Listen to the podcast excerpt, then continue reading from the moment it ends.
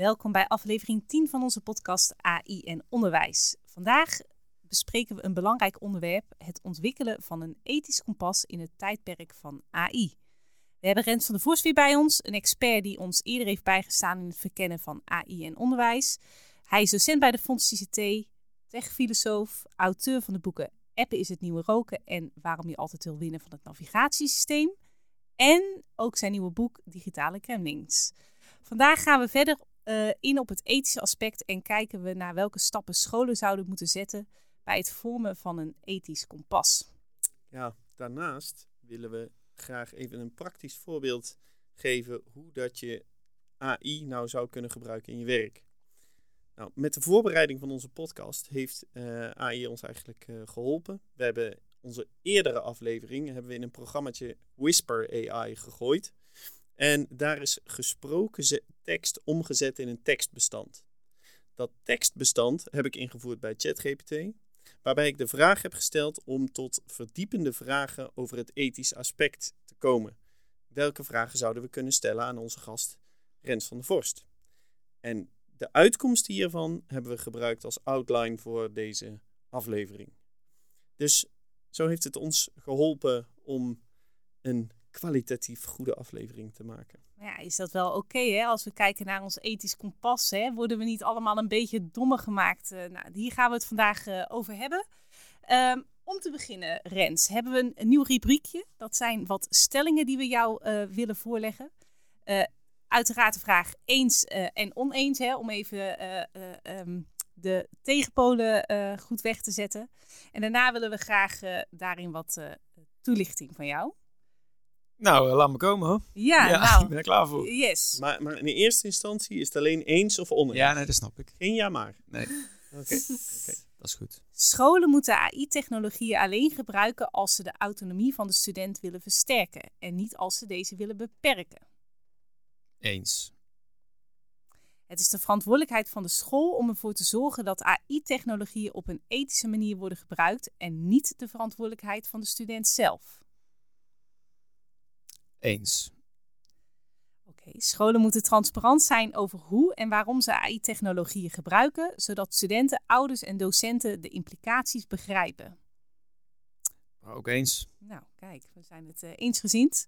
Scholen moeten actief betrokken zijn bij het vormgeven van het beleid rond het gebruik van AI in het onderwijs, in plaats van alleen te reageren op technologische ontwikkelingen. Nou, daar ben ik het ook mee eens. Nou, kijk. Kijk, dat zijn dus vier stellingen waar je het mee eens bent. Dus of je bent heel goed gezind vandaag, dat je het overal mee eens bent. Of, of het, is, uh, het is toeval. Zijn er dingen die je graag zou willen toelichten? Nou ja, volgens mij waren de stellingen best uh, uh, goed doordacht. Het waren niet echt hele spannende stellingen, zeg maar. Dus het was niet echt dat je dacht van oké, wacht even, hier moet ik echt even over nadenken. Of hier ben ik het echt mee oneens. Het gaat niet over de inzet van AI, het gaat over de doordachte inzet van AI. Ja, en als je zegt, ja, ben je het eens met de doordachte inzet van AI? Ja, daar ben ik het wel mee eens. Ja. De echte discussie gaat natuurlijk over wat is doordacht. En Mhm. wat vinden we wel en niet uh, wat we moeten doen. En die raakte je niet met je stellingen, dus het was heel makkelijk voor mij. Ja, want autonomie versterken, daar was jij het ook wel mee eens. Ja. Want, want je zou ook nog kunnen zeggen van, goh, dat is misschien, daar moet je dus uh, het goed doordenken. Nee, want ik denk dat je, de, dat je altijd, uh, dat technologie je altijd in staat moet stellen om betere beslissingen te nemen. Dus wat mij betreft is autonomie versterken, is iemand in staat stellen om een betere beslissing te nemen. Nou, daar kan je niet op tegen zijn, toch? Nee. Het, autonomie, autonomie versterken is natuurlijk niet iemand in staat stellen om lekker zijn eigen ding te doen. Dat is heel anders. Dus met hoe je, hoe je die term uh, interpreteert. Ja, dit is wel een belangrijke, denk ik, voor de luisteraars. Ja. Om, om dit even helder te hebben. Ja, dus de student uh, zijn autonomie versterken betekent niet... ga maar lekker werken bij de picknick en dan laat je AI je studie doen. Hè? Want dan kun jij namelijk uh, doen wat je wilt. Nee, het betekent je bent hier om te komen leren. En je wil een goede beslissingen nemen. En je kunt nu nog betere beslissingen nemen dankzij inzet van AI. Dat, Ja. Zo heb ik het geïnterpreteerd. Dan ben ik het eens. Ja, ja. Als je het interpreteert zoals de eerste versie, dan ben ik het oneens. Maar dan vind ik het niet dat het autonomie versterken is. Ja. Dan vind ik het meer dat AI studenten verleidt om verkeerde beslissingen te nemen. In plaats van in staat stelt om betere beslissingen te nemen. ja. Dus de gemakzucht uh, van de studenten. Ja, die is er wel natuurlijk. Ja. Ja. Oké. Ik vind ook wat- hoe dat je het zegt, eh, studenten verleidt om verkeerde beslissingen te nemen. Dat is de, de laagdrempeligheid waarmee je resultaat kan hebben natuurlijk met het Ja. gebruik van AI. Ja, ja. Nou, kijk, ehm, wij hadden afgelopen ehm, week hadden we een eh, tweedaagse bij het eh, Albeda College. En je merkte eigenlijk al heel snel hè, na de ongeveer een halve dag dat mensen een soort van pijnlijk onderbuikgevoel kregen van ja, weet je, moeten we dit eigenlijk wel willen propageren? Eh, eh, het werkt heel goed, maar hoe gaan we ermee om? Ehm, er moet beleid ontwikkeld worden eh, op, op schoolniveau en dan pas weten we hoe we daartoe moeten verhouden. Dus je merkt eigenlijk dat als mensen er een beetje mee gaan werken, al heel snel die ethische vraagstukken ehm, ehm, mee aan de slag eh, gaan. Hoe, hoe kijk jij naar de afgelopen maanden? Zie je daar. Ja, nou kijk, misschien is er nog een, een belangrijkere onderliggende vraag. En dat is namelijk, eh, hoe verhoudt technologie en onderwijs zich? Ja. Want ik ben, eh, ik ben, zeg maar, voordat ik hier werkte, was ik eh, lid van de ICT-afdeling van Fontes. En in die tijd, ik heb het nog eens opgezocht, hebben we 300 miljoen euro geïnvesteerd in technologie voor het onderwijs. En de interessante vraag is natuurlijk, nou leuk, 300 miljoen euro, hadden we allemaal een business case voor bedacht. Maar wat heeft dat ons opgeleverd in de afgelopen 15 jaar? En als je dan kijkt naar de belangrijkste key performance indicatoren, zoals mooi gezegd. Eh, heeft de studenten gelukkiger gemaakt? Nee. nee. Op dit moment zijn ze ongelukkiger dan ooit, heb ik het idee. Heeft het eh, studeren goedkoper gemaakt? Nee. Het is in die tijd, in die 15 jaar, is het 1200 euro duurder geworden per jaar. Dus dat is het ook niet. Heeft het dan misschien gezorgd dat je sneller je diploma kan halen? Nee, duurt nog steeds even lang. Dus daar heeft ook niks toegevoegd. Is de kwaliteit van het onderwijs veel beter geworden? Nou ja, als je bij Fontes studeert en je hebt de Volkskrant gelezen, dan zie je dat er in ieder geval veel discussie over is, over de kwaliteit van het onderwijs. Dus die ook niet. En de vijfde, dus dan zou je zeggen, nou ja, dan zou het misschien wel zo zijn dat die docent met al die mooie nieuwe technologie, 300 miljoen, dat hij het rustiger heeft dan ooit en meer tijd heeft voor zijn vak en zijn studenten. Maar die heeft het drukker dan ooit. Dus we hebben 300 miljoen euro aan IT geïnvesteerd en het heeft helemaal tot niks geleid. Dus nou is de interessante vraag, waarom zou dan nieuwe technologie, AI of wat dan ook, ethisch kompas of niet, waarom zou dat wel bijdragen aan een betere impact op onderwijs? Ik weet het niet hoor. Ik denk dat het komt omdat wij gewoon niet goed begrijpen waar onderwijs over gaat. En dus technologie ook verkeerd richten. En dat we dat zouden moeten veranderen. En dat is een veel belangrijkere discussie dan vanuit de technologie redeneren. Oh, daar heb je AI. Nee, je moet vanuit het principe van onderwijs redeneren en dan uitzoeken welke technologie past daarbij. Dat is iets anders. En, en even kijkend, wat zou het perspectief zijn van onderwijs? Nou, onderwijs is een mensenbedrijf. Dus als jij zeg maar de allerbeste IT ter wereld hebt, hè, de beste AI, nou ik hoorde net al Whisper en ChatGPT en fantastische wifi en een fantastische dynamic scheduling systeem en je hebt ontzettend lul van een docent. Of andersom, je hebt de slechtste AI, wifi is brak, wel, smartboards doen het nooit, HDMI-connectoren zijn kapot, maar je hebt een fantastische, inspirerende, gepassioneerde docent. Nou, welk onderwijs denk je dat het beste is? Versie 1 of versie 2? Ja, en, en de discussie die je nou ook wel ziet en ook wel hè, met de lancering van Chat eh, GPT eh, 4, dat ze zeggen, oké, het zou je assistent kunnen worden. Nou ja, we hebben afgelopen periode ook best wel ervaringen opgedaan en van hij geeft je echt maatwerk, feedback, eh, bij wijze van spreken beter dan dat je zelf zou doen. Daar zou je kunnen zeggen, dat zou het leerproces kunnen verrijken. Zou kunnen. Maar ah, 20 jaar geleden, 30 jaar geleden, werd e-mail geïntroduceerd. Hè? Daarvoor moest je briefjes tikken en zo, weet je wel. En eh, op de post toen, dat zou ook je assistent kunnen worden. Maar nu zijn we 30 jaar verder. En er is niemand die ik nog tegenkom die zegt, oh, e-mail, dat is echt fantastisch. Daar levert me zoveel tijd op. Elke week heb ik een hele middag vrij dankzij e-mail. Nee, ik kom alleen mensen tegen die zeggen, ik heb het helemaal drukker gekregen dankzij e-mail. Dus waarom heeft dat niet gewerkt? Waarom leiden al die nieuwe handige communicatiemiddelen, al die nieuwe handige technologie, niet tot het feit dat we het rustiger krijgen? Nee, maar het, het brengt wel iets. Want als het niks had gebracht, dan waren we gestopt met e-mail, toch? Ja, wat brengt het dan precies? Ja, dat weet ik niet. Nee. Maar blijkbaar is er een maatschappelijk incentive om, om mail te blijven gebruiken. Ja, maar of het is een soort sto- eh, gezamenlijk Stockholm-syndroom waarin we elkaar allemaal gevangen houden. Nee, maar het- ik, ik meen het serieus, want ik zei net die voorbeelden. Mm. Dan zie je dat het heel ingewikkeld is om in kennisintensieve organisaties, net als een, eh, ja, een ministerie of een gemeente of een, een school, om technologie voor je te laten werken. Dat is best makkelijk in, eh, in de retail. Je ziet gewoon, vroeger had zeg maar, de Albert Heijn had enorme eh, magazijnen. Tegenwoordig komt die wagen precies op het juiste moment. En het wordt wel steeds duurder, maar het is wel echt Gewoon, dat is een wereld die is gericht op efficiëntie en kostenbesparing. En dan voeg je technologie aan toe. Ja, dan wordt het efficiënter en bespaar je kosten. Maar onze wereld, waar is die precies op gericht? En daar voeg je dan technologie aan toe. Je zou zeggen, hey, luister eens, ik ben 20 jaar verder, ik heb al die technologie. Je bent binnen twee jaar afgestudeerd, studenten zijn gelukkiger dan ooit, leren meer dan ooit, docenten hebben het rustiger dan ooit, het kost minder dan ooit. Bam. Maar, het zou is niet dat niet kunnen? Ja, de vraag is natuurlijk, de interessante vraag is natuurlijk, ja, nu hebben we nog, komt dit omdat de technologie tot nu toe niet goed genoeg was? En nu mhm. hebben we nog betere technologieën en dan komen we die fantastische AI en die wordt steeds beter, generative AI. Of zit het fundamenteel in ons en in onze processen en hoe wij technologie gebruiken binnen dit soort organisaties? En is dit, wordt dit gewoon hetzelfde? Dat weet ik ook niet, maar dat vind ik wel een heel interessante vraag. Ja. En ja, ik vind het ingewikkeld. Weet je, het is ook. Uh, uh, mensen zeggen, ja, we worden productiever. Ja. Productiviteit is natuurlijk helemaal geen. Doel op zich. Nee, het is een middel. Ja. ja. ja. Dus wat kun je er nou echt mee doen? Kun je meer leren? Kun je meer, kun je meer aandacht geven aan studenten? Kun je, nou, dat vind ik heel interessante vraag. Dus ChatGPT, in essentie zou je kunnen zeggen: ja, dat is fantastisch. Want dan kan een docent kan namelijk een aantal uh, processen automatiseren, waardoor die echt menselijk uh, met een student kan praten. Je kan ook zeggen, ChatGPT wordt gebruikt om gewoon de feedback te automatiseren richting de studenten. En dan bereiken we het tegenovergestelde. Waardoor de student weer in staat is om uh, dat zelf ook weer te beantwoorden. Met, en zo krijgen we dan... En je zegt, dan bereiken we het tegenovergestelde eigenlijk minder echte aandacht. Ja, ja. ja, ja. ik denk wel, wat ik zei in het begin, is uh, dat die ene gepassioneerde docent of die ene lul van een docent ontzettende impact heeft. Dus alle technologie zou, zou moeten worden ingezet om docenten beter te faciliteren in hun beroep. Want daar draait onderwijs volgens mij om. En ik ben wel eens bang dat technologie ingezet wordt om bureaucratische processen beter aan te jagen en docenten nog meer lastig te vallen met uh, wat ze al moeten doen. En daar moeten we naar zoeken, denk ik. Zit daar niet ook een scheidslijn tussen hoe het wordt ingezet of hoe het wordt gebruikt? Als ik, al, al, een heel concreet voorbeeld, als ik om mij heen kijk, dan is, is het merendeel van de mensen met wie ik spreek over eh, AI en ChatGPT, heeft er wel eens mee geëxperimenteerd, maar gebruikt het niet in zijn of haar dagelijks werk.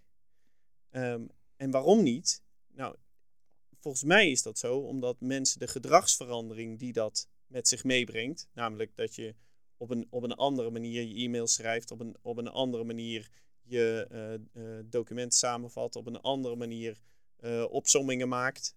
Ehm, dat, dat is allemaal een fundamenteel andere manier dan de manier waarop je werkt. Dus dan is eigenlijk het implementatieproces bij mensen wat meer tijd kost. Ja, dat zou goed kunnen. Dat, dat is natuurlijk waarschijnlijk de beperkende factor.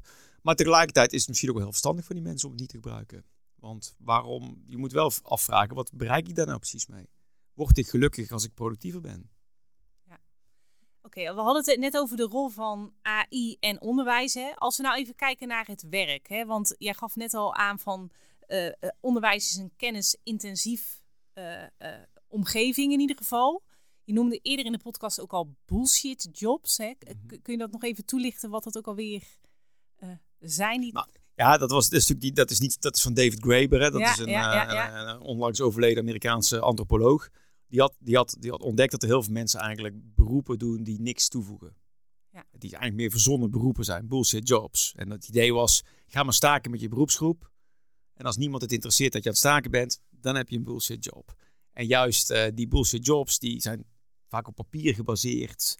Uh, die, eh, die, zijn dus heel makkelijk ook te automatiseren met dit soort ChatGPT tools. Want je kunt niet de muur stukken met ChatGPT.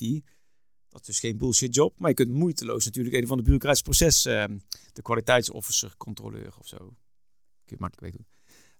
en dat betekent als wij mensen opleiden voor bullshit jobs, en dat doen wij best wel veel denk ik, dat we ons heel erg moeten afvragen van, nou blijft dat wel zinvol op dat moment? Um, maar goed, ja. Ja, dat is ook een beetje naar die, die kennisintensieve beroepen. Hè? Want dat is natuurlijk, uh, uh, je ziet nog heel veel universiteiten die ook echt zeggen van je mag het niet gebruiken. Maar ik denk ja, als je kijkt naar heel veel opleidingen waar universiteiten voor opleiden, die, daar gaat het ook heel vaak over de opleidingen waar uh, kennis, tekst, nou ja, dit soort GPT kan natuurlijk wel op hele korte tijd gewoon kennis of vraagstukken ophalen. Mhm. ja. Ja. dat klopt. En dan is de vraag van ja, waar laat je dan nog precies uh, voor op? En uh, als je weet je, research papers produceert en plotseling kan iemand anders dat veel beter. Maar dit is geen creatief research paper. Maar ja, aan de andere kant is het natuurlijk zo, ja, die mensen die het nu doen, die produceren ook geen creatieve research papers waarschijnlijk. Mhm. Anders zouden die niet te vervangen zijn. En wat, wat eh, Thijs net vertelde, is dat hij dan Whisper AI en ChatGPT om verdiepende vragen. Dat is eigenlijk heel slecht van hem, denk ik. Omdat hij de kans heeft gemist om zelf na te denken over welke verdiepende vraag zou ik willen stellen. En dat hele proces had hem heel even verrijkt. Ja. En nu heeft hij het gewoon even geu- geoutsourced. En heeft hij waarschijnlijk wel verdiepende vragen. Maar is, het, is hij geblokkeerd in zijn hoofd om zelf nog gaan nadenken over verdiepende vragen. Dus wat je eigenlijk had moeten doen, is het eerst zelf doen. En dan wat daar leer je van. En dan vervolgens eens te kijken van, hey, kan hij er nog iets aan toevoegen? Maar ja, weet, jij bent ook verleid door gemak. Van, eh, hup, Is dat, is dat zo? Ben ik eh, verleid door... eh, nou, dat is door- ook, nou, dat weet ik niet. In dit geval is het misschien ook leuk om als demonstratie te laten zien wat het kan. Maar die, die valkuil is natuurlijk wel heel groot, hè? Om, je, om het even dan... Nou ja, dat, dat zeker. Hè. Als, je, eh, als je kijkt naar het verschil tussen oppervlakkig en, en diep leren, hè, die, die verleiding, en daarom vond ik dat zo mooi dat je dat net zei, die is er altijd. Ja. Maar op het moment dat je ehm, een, een, een outline maakt, dan kan dat ook juist een aanzwengeling zijn tot een creatief proces. Dat kan. Maar kijk, als aan mij zou vragen, bijvoorbeeld, ik geef, ik geef hier gewoon les in open learning. Daar weet ik wel van alles van. Maar nu zou aan mij vragen, schrijf eens een essay van eh, duizend woorden over open learning. Dan zou ik heel veel van leren. Want dat dwingt mij om na te gaan denken, wat is het eigenlijk precies? Wat vind ik er echt belangrijk aan? Wat zijn de voor's en de tegens? En dat, dat dat document uiteindelijk ook door een tool geschreven zou kunnen worden. Ja, dat, who cares? Het ging mij om de reis. Daar heb ik heel veel van geleerd. En ik weet zeker dat ik er allerlei nieuwe inzichten zou opdoen. En dat is het leerproces. Dat product aan het einde, is niet zo relevant. Nee, dat is de outcome. Ja. Ja, en dat geldt zeker. ook voor die research papers. Doordat mensen zelf iets moeten schrijven, daar zelf toe gedwongen worden, ja, daardoor kunnen nieuwe inzichten ontstaan. Op het moment dat je daar niet meer toe gedwongen wordt, van ja, ik kan ook een tool die het schrijft. Ja, dan wordt het allemaal een beetje, ja, dan wordt het, dan wordt het steeds meer van hetzelfde. hè. En eh, het wordt nooit origineel qua Ja. idee. Ja, en, en dus die, eh, het is eigenlijk wat je zegt, een bewustwording in het leerproces. Eh, als, als je de reis belangrijker maakt dan het einddoel. Ja, en als je dan bij de eerste stelling terugkomt van hoe zit het met autonomie? Ja, dat, stel zo'n, jij zei ja, ik vind dat eh, eh, AI-studenten hun autonomie moet eh, verbeteren. Vind ik ook. Maar dan moeten ze echt in staat zijn om een besluit te nemen om te kiezen om dat moment AI niet te kiezen en dat moment, ander moment juist wel. En hoe je dat dan precies doet. Dat is ingewikkelde vraagstukken. Ja, en dit is denk ik ook precies het vraagstuk. Hè? Want als docenten ermee gaan experimenteren, denken ze: Goh, ik kan het gebruiken om onderwijs te ontwikkelen, om feedback te geven, om, nou ja, noem het op. Hè? Dus ook voor dat soort processen waar eh, docenten eh, veel tijd mee eh, bezig zijn, naast gewoon het contact met de student. Denken ze, nou, maar ja, moet je het dan vervolgens ook willen? Hè? Dat is natuurlijk iedere keer het vraagstuk. Ook als student, moet je het dan willen? Kijk, het ontwikkelen van onderwijs en goed nadenken over wat wil ik eigenlijk bereiken, is natuurlijk ook een proces wat je als docent doormaakt. Ja, en ik hoorde ook iemand ooit zeggen, kijk, een docent is ook een beetje een, eh, is natuurlijk ook gewoon een thuiskok. Dus het ontwikkelen van onderwijs is wat, je, wat de docent zijn leuk maakt. Ja. Want anders, wat, wat voegt ChatGPT toe? Vind ik heel interessant hoor, dat mensen zo zeggen van, oh ChatGPT, daar kun je onderwijs mee ontwikkelen. Nou, ik, ik, zolang ik hier bij het onderwijs werk, gaat het al over eh, open educational resources. Van ja, alle onderwijs is al een keer ontwikkeld. Waarom pak je het niet gewoon? Ja, En zeggen docenten, ja, dat ga ik niet doen, want ik vind het ook leuk om zelf te ontwikkelen. En nou zou ChatGPT, die dat ook gewoon doet, dus een geautomatiseerde vorm van open educational resources binnenslurpen, zou dan wel succesvol worden? Dat lijkt me niet. Het is nog steeds een vraag. Ik ben gewoon een thuiskok. Ik vind het leuk om zelf receptjes te maken en dingetjes klaar te maken en zo. Want in plaats van te bestellen bij de cateraar. Want daar Mhm. ben ik docent voor geworden. In mijn geval geldt dat niet zo, maar ik, ik speel nu even de rol van docenten. Maar dat, dat, dat denk ik dat heel belangrijk is.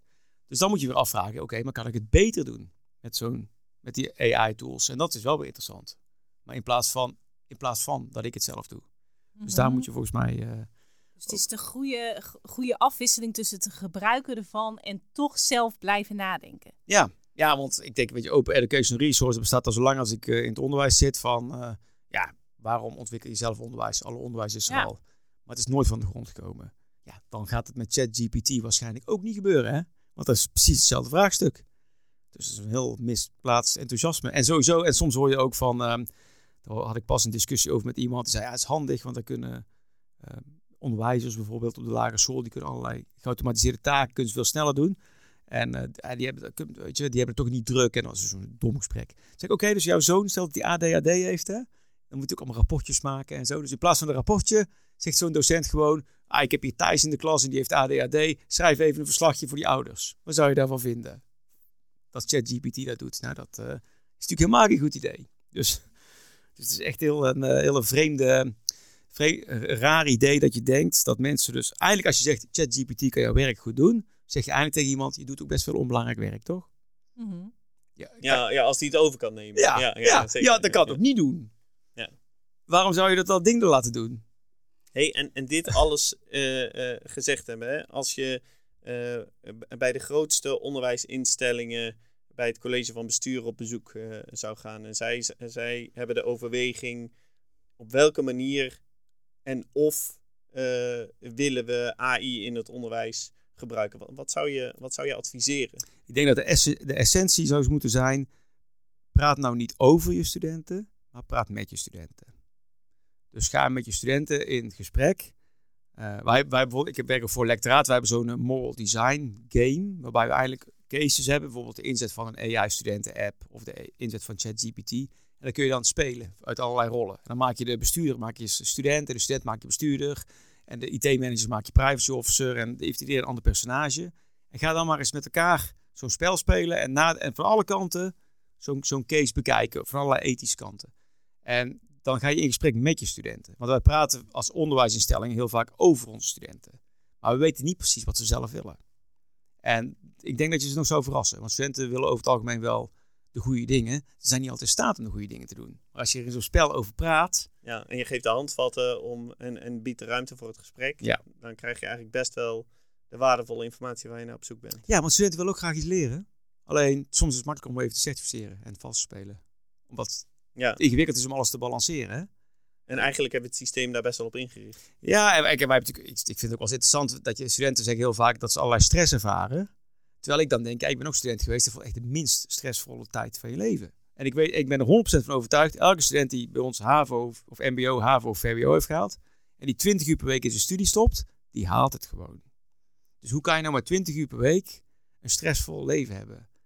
Dat zit eromheen. Omdat je ook een baan moet hebben, omdat je moet werken, omdat je vijf keer per week naar de sportschool moet. Hè? Weet je, vroeger alleen de topsportstudenten dat, tegenwoordig doen ze het allemaal. Omdat je natuurlijk sociale media en zoveel uren op... Uh, dus die stress die komt van al die andere kanten. En dat maakt de verleiding om vals te spelen ook weer groter. Hè? Mm -hmm. Dus uh, terecht of onterecht. En dan, oké, okay, je gaat met je studenten in gesprek. Maar zou dat het beleidstuk moeten zijn van een, uh, van een, van een school of een instelling? Dat zou het moeten leiden. Hè? Mm -hmm. In het beleidstuk zou niet moeten staan, je gaat met de studenten in gesprek. De resultaten daarvan zou je moeten uh, meenemen. Ja. ja. En ik denk ook niet dat je hele grote uh, beleidsstukken zou moeten maken van top-down of zo. Verbieden we of ja. uh, stimuleren we. En zeker niet bij zo'n grote hogeschool als Fontes. We hebben 40.000 studenten, we hebben 200 opleidingen. Daar moet heel veel ruimte zijn voor, voor maatwerk volgens mij. Ja. En volgens mij moet je meer tools aanbieden om het goede gesprek te kunnen voeren binnen managementteams met uh, uh, docententeams, met studenten. In plaats van dat je top-down gaat zeggen van nou, dat gaan we zo eens even doen. Ja.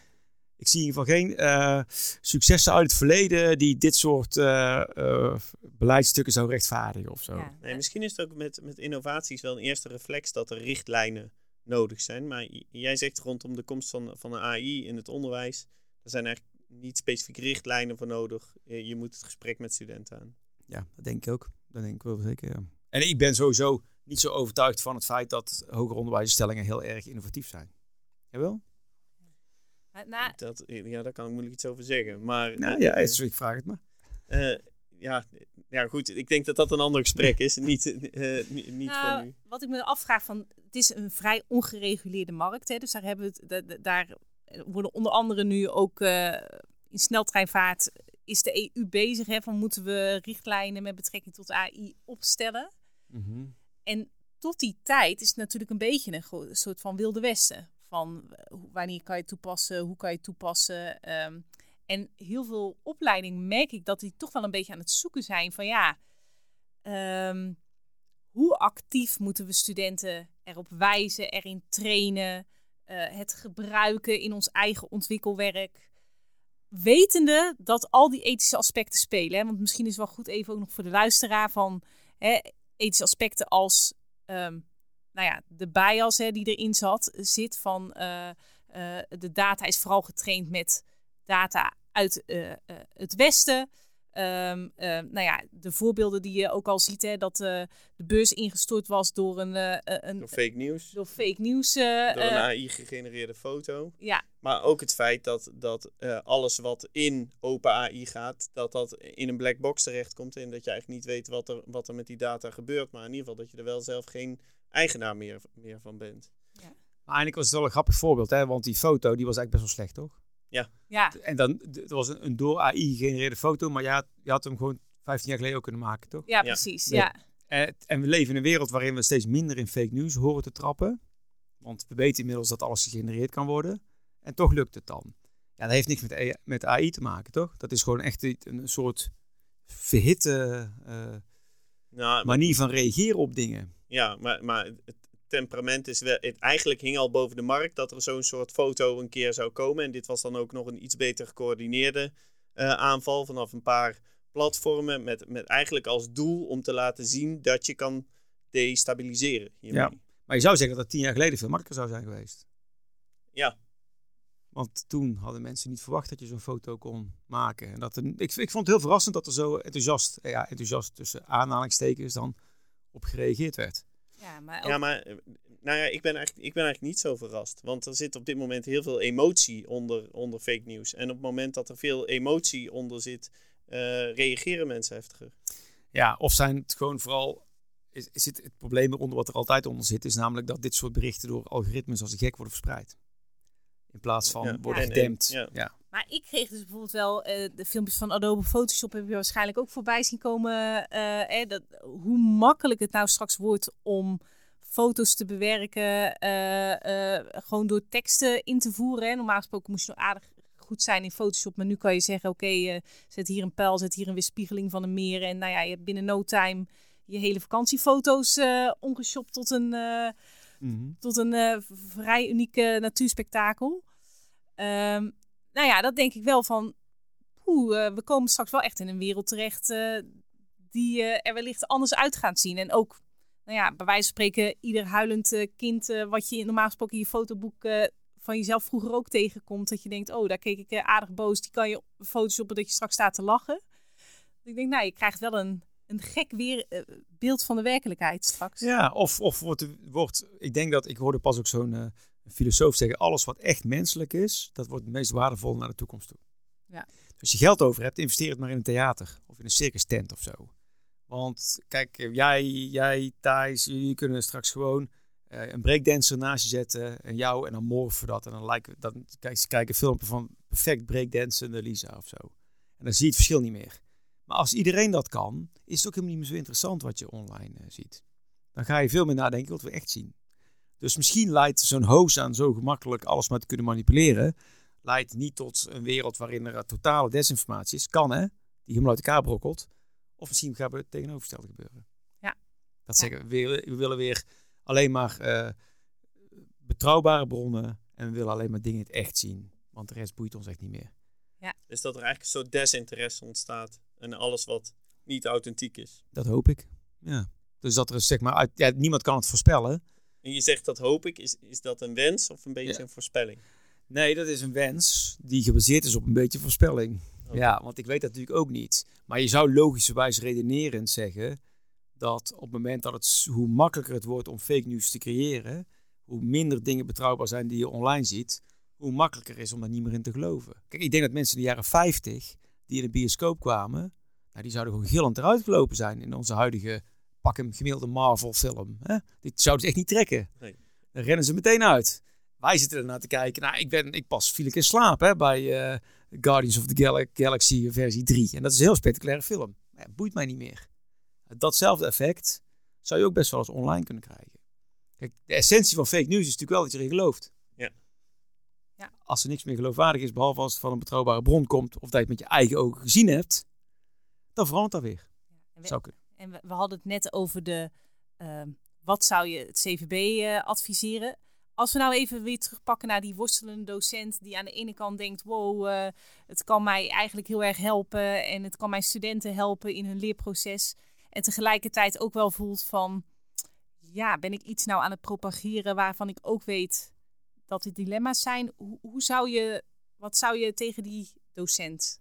Ja, volgens mij komt dat een beetje hetzelfde neer als wat we vorige keer over gehad hebben natuurlijk. Hè. Het is van, ehm, op het moment dat je, het ligt er een beetje aan waar je docent bent. Eh, Ben je op een middelbare school of zit je op een hogere school? Op een middelbare school zou het ook heel erg zijn van, nou, eh, je beperkt het heel erg, net als Google Translate of al dan ook, omdat je mensen wil dat ze kennis opdoen, die ze later kunnen gebruiken om creatief te worden. Dus dan zeg je gewoon van, ja, dat mag gewoon niet. Simpel. Soms mag het wel, soms mag het niet, maar nu mag het dus niet.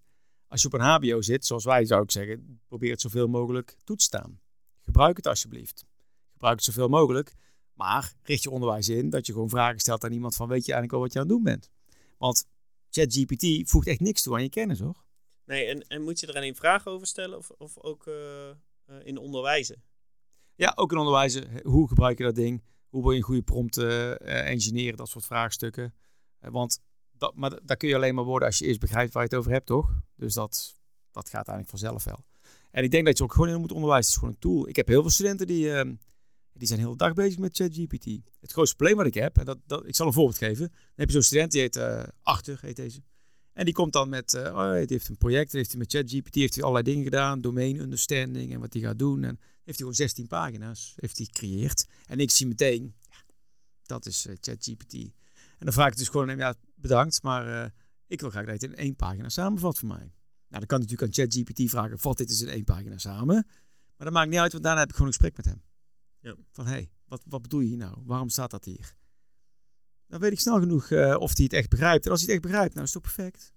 Dan heeft hij een hoop tijd bespaard en dan kan hij het ook echt goed.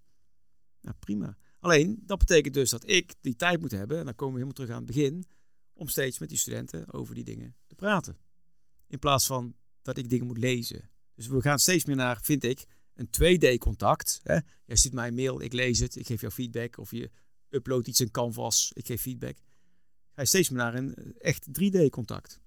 Van, jij kom maar langs en we even een gesprek.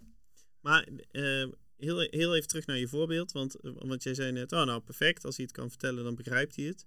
Maar eerder hadden we het zeg maar over de, de reis en het resultaat. Hè? Welke, welke leerreis heeft, heeft deze student afgelegd en, en wat is het resultaat? Ja. Nou, en het resultaat was die 16 pagina's en dan nog, nog samengevat tot één pagina. En, en je hebt dat gesprek daarover. Maar in, in welke mate heb je dan die, die eh, leerreis gehad? Of, of als... Ja, die heeft, als hij geen antwoord kan geven of niet kan vertellen, heeft hij de leraars niet gehad.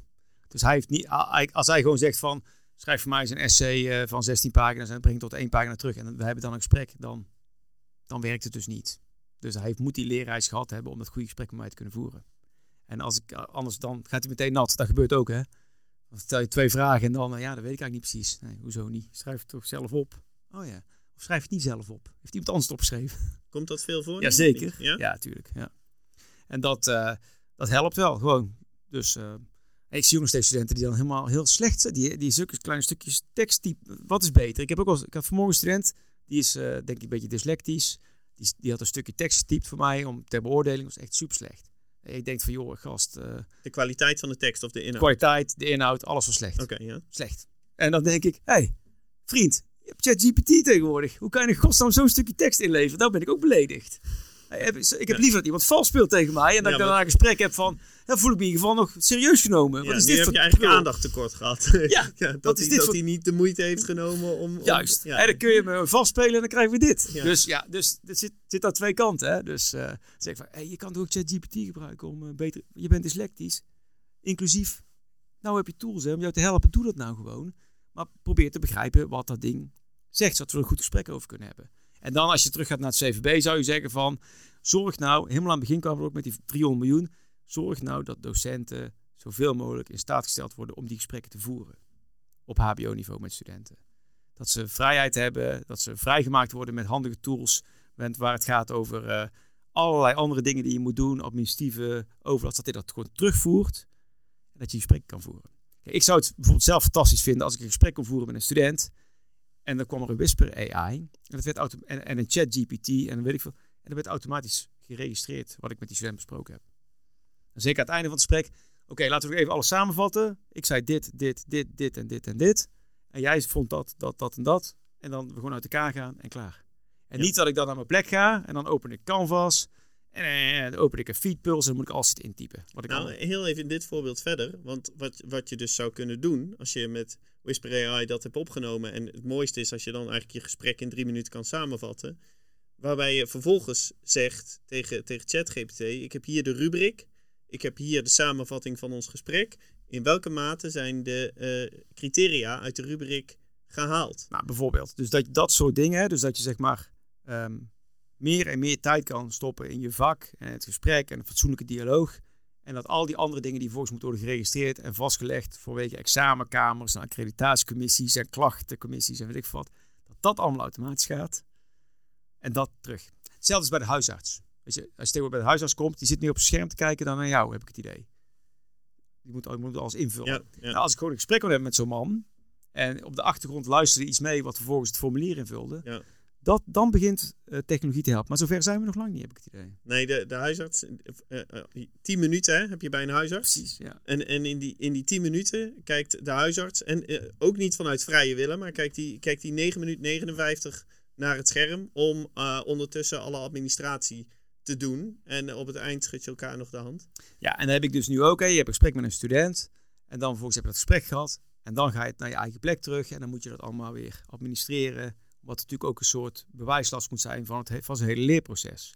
En vervolgens zegt die student, nee, dat heb ik niet zo gezegd, dan moet ik dat weer veranderen. En nou ja, dat kost een hele hoop tijd. Als dat nou weg is, dat zou mooi zijn. En als je dus die docent hebt die dus aan het worstelen is van aan de ene kant wauw en aan de andere kant hmm, moet ik dit nu gebruiken, zou die dus vooral voor zichzelf nagaan hoe gaat het, het leren verbeteren als ik daardoor betere leeruitkomsten, betere beoordelingscriteria en eh, betere lessen waarbij die interactie gestimuleerd wordt, zou jij zeggen Ja, vooral doen. Ja, maar alleen, we zijn nog niet zo ver. Dus het is, nu, het is nu nog heel ingewikkeld en het is een worsteling. Dat snap ik. En eh, hopelijk eh, komt, als we helemaal weer terug gaan naar het begin van deze podcast, komt die stap dat die investeringen in, I- in eh, IT daadwerkelijk renderen. In gelukkigere studenten, goedkoper onderwijs, gelukkigere docenten die meer tijd hebben. Hopelijk wordt die stap ook daadwerkelijk gemaakt. Ja, maar om dat te realiseren is er dus bij, bij docenten en bij opleidingen eigenlijk een enorme hoeveelheid basiskennis nodig. Hoe ga je eh, effectief met die middelen om en wat is eigenlijk het doel dat wij deze middelen inzetten? En eh, nou, ik denk dat we dat doel heel helder hebben beschreven. Alleen de, de basiskennis is nog niet aanwezig op alle eh Nee, en schoolinstellingen. de technologie is er ook nog niet, hè. Want ik, ik stel me helemaal voor dat als we natuurlijk dit, wat we net vertelden, gaan doen. Zeggen van, ik heb een gesprek met mijn student, dit wordt automatisch geregistreerd. En er worden KPI's en rubrics, goed idee, aangekoppeld. Dan is er wel een privacy officer die aankomt rennen en die zegt, ho, ho, ho. Dan moet er wel een eh, veilige eh, educational variant die voldoet aan de GDPR en zo. Nou, daar zijn we nog heel ver vanaf, heb ik het idee. precies. Want dit kunnen we al een beetje, wat jij vertelde, zou het best een beetje kunnen met Mhm. eh, open AI-middelen. Maar ik ga toch niet mijn gesprekken met studenten in open AI stoppen, hoop ik. Nee, dan, dan zijn we straks net zo ver eh, bij afval Samsung. eh, eh. Ja, nee, dat, dat is natuurlijk best een, een flink eh, issue nog. En dus daar zijn we, zijn we nog echt nog een eind van af, denk ik. Maar het schetsen van dat eh, zeg maar perspectief, is, daar kan helemaal geen kwaad. Oké, eh, Rens, bedankt voor dit gesprek. Je hebt ons weer stof tot nadenken gegeven. Dank aan al onze luisteraars voor het afstemmen op deze aflevering van AI en onderwijs. En daarnaast nog even een oproep, oproep om lid te worden van onze LinkedIn-groep AI en ChatGPT en onderwijs, zo moet ik het zeggen. Eh, in de eerste twee weken hebben we meer dan 300 leden verzameld. Je vindt op deze pagina praktische tools en handige weetjes rondom AI in het onderwijs. Bedankt voor het luisteren. Rens, hartelijk bedankt. De bos bloemen staat eh, al voor je klaar. En eh, En misschien een leuke toelichting dat we eigenlijk weinig van tot geen van de vragen die eh, AI bedacht heeft eh, gebruikt hebben. Hè? Dat is dan toch weer het mooie aan het menselijke gesprek. Nou, dankjewel. Ja, top. Bedankt. Oké.